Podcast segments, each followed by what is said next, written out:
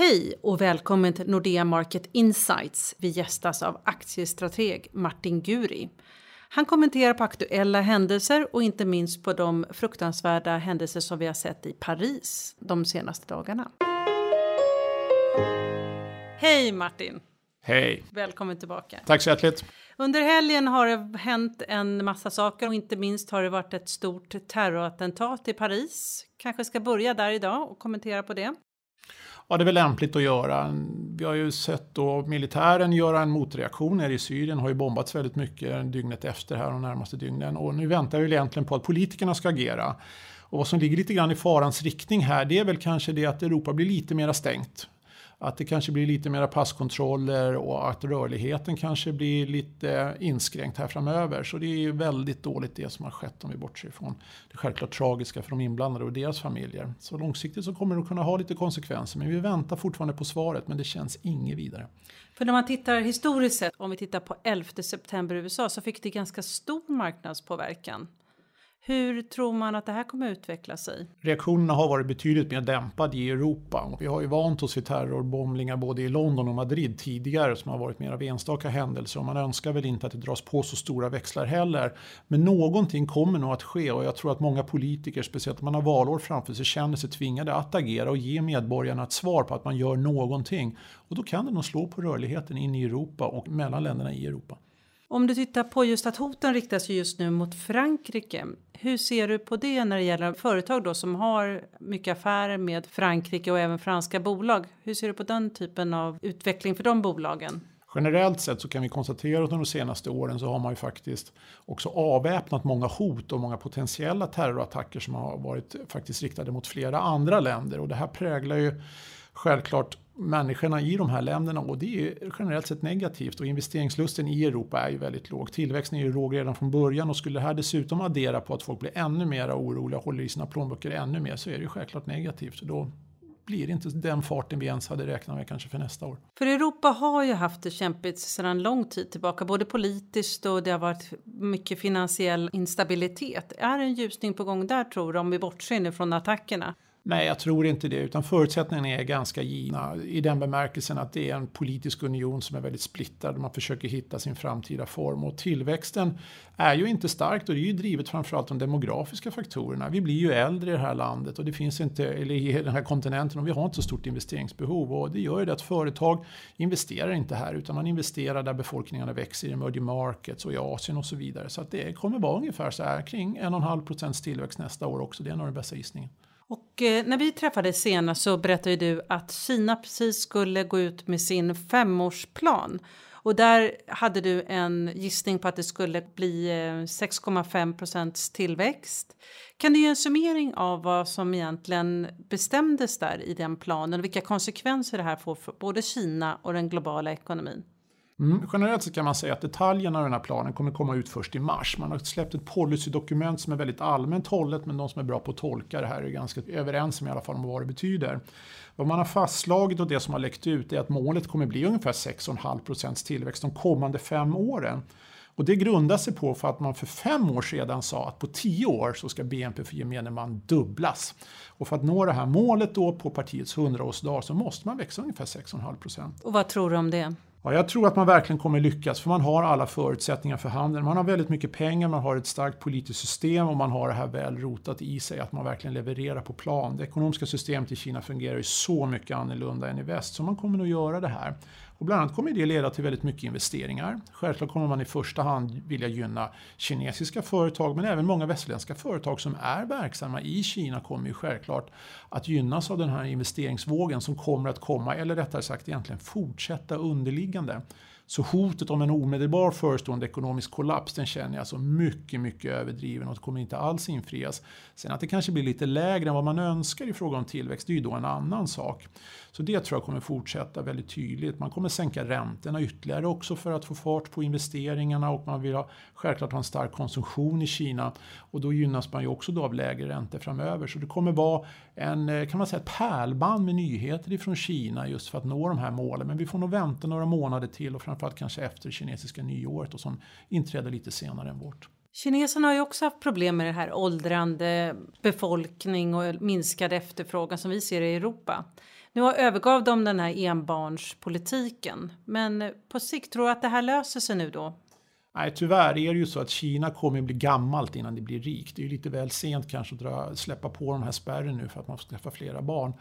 Men klart på sikt kan man ju säga att det mildrar åtminstone stöten för att antalet kineser de närmaste 50 åren då som är i pensionsålder kommer gå ungefär från 120 miljoner upp till 350 miljoner och det är så otroligt många människor så det går inte ens att föreställa sig. Så Kina kommer snabbt bli gammalt. Men fram tills dess så ska man väl göra det bästa i alla fall för att motverka och försöka skapa välstånd så att de i alla fall som ska leva då om 20-30 år ska få så bra förutsättningar som möjligt och det kommer man kämpa för. Så en liten ljusglimt här i Kina. Men om vi går åt andra hållet till USA. Amerikanerna har ju ett stort val inte mindre än ett år bort. Kan man redan nu se att det påverkar den amerikanska marknaden? Ja, det gör man. Eh, jag tror att marknaden generellt sett nu, precis som i framtiden, kommer lyssna efter varje spår av förändring. Och det som man har pratat väldigt mycket om, det är ju läkemedel.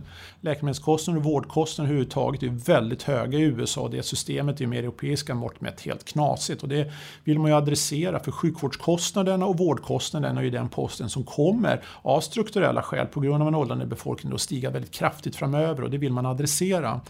Och alla antydningar från politikernas håll att det nog blir annorlunda förutsättningar för läkemedelsbolagen och vårdbolagen kommer att tas emot negativt. Och Hillary Clinton har redan gjort utspel och jag tror att det kommer flera utspel här framöver.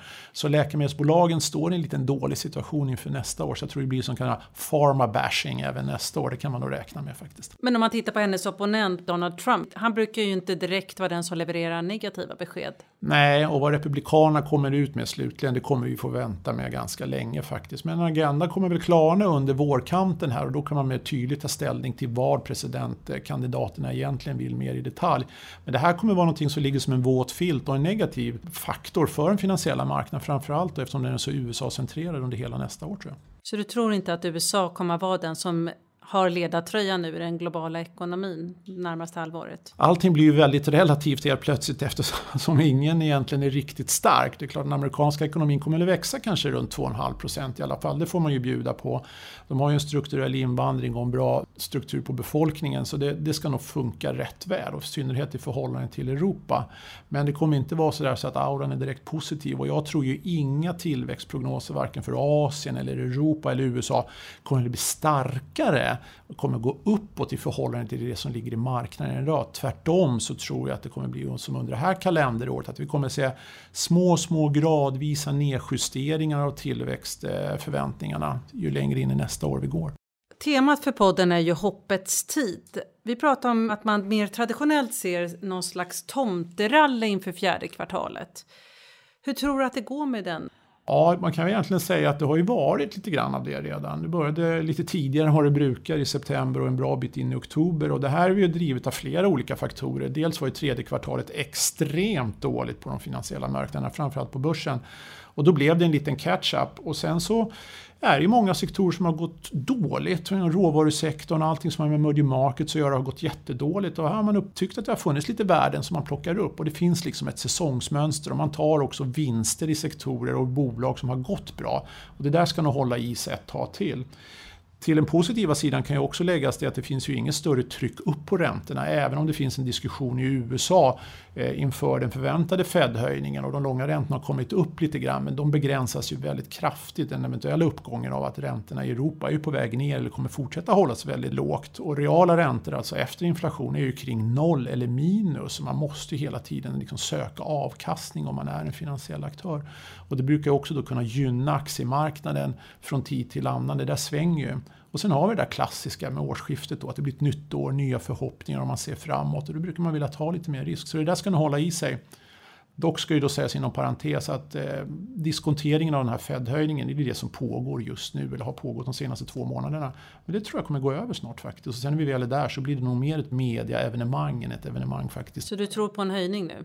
Eh, ja, det mesta pekar för det om man tittar på terminsmarknaden vad de säger och, och även utspelen ifrån Fed och så pekar det på det. Och är det ingenting i den geopolitiska omvärlden här nu som sätter käppar i hjulet så vore det väl ganska bra om Fed levererade den här höjningen som vi hade den bakom oss så kunde vi gå vidare. Om du får sia lite om framtiden och titta runt hörnet, vad tror du om börsen framöver? Ja, jag tror som sagt var efter eh, det här året då att det kommer präglas av stor osäkerhet. Jag tror det kommer låta lite grann som det har gjort under det här året. I den bemärkelsen att året kanske börjar då med en positiv impuls från en starkare dollar. Många cykliska bolag kanske får en liten skjuts på på aktiekurserna för deras vinster kommer stiga mer men så kommer man att tänka efter lite grann att var det här så himla bra? Då blir svaret nej. För råvarubolagen och oljebolagen kommer få det lite sämre och den globala konjunkturen är ju inte starkare än vad som ligger i prognos utan tvärtom kanske man blir lite mer osäker. Så det kommer nog pendla lite grann fram och tillbaks och de flesta kommer nog vara ganska defensiva i sin inställning och varningsropen både från banker, officiella myndigheter, IMF och Världsbanken och så där, kommer nog vara att, att, att nedsidan är större och det kommer nog prägla riskviljan i stor utsträckning. Så det kommer vara mycket det här better safe than sorry, att man köper det man förstår och man håller sig lite på den säkra sidan och ska man gå in och ta risk så är det nog när det blir väldigt översålt eller man känner att det är ganska uppenbart. Så ganska lika det som vi har haft i år tror jag. Jag tror året inte kommer bjuda på någon sån här lysande börs utan tvärtom, det kommer svänga ganska mycket kring nollstrecket. Då får vi anledning att återkomma. Jag får tacka för att du har varit med idag. Tackar så hjärtligt. Tack för att ni har lyssnat. Om du vill veta mer går det bra att besöka nordea.se markets. Där kan du prenumerera på våra nyhetsbrev eller så kan du också ta del av våra analyser på nexus.nordea.com. Välkommen tillbaka!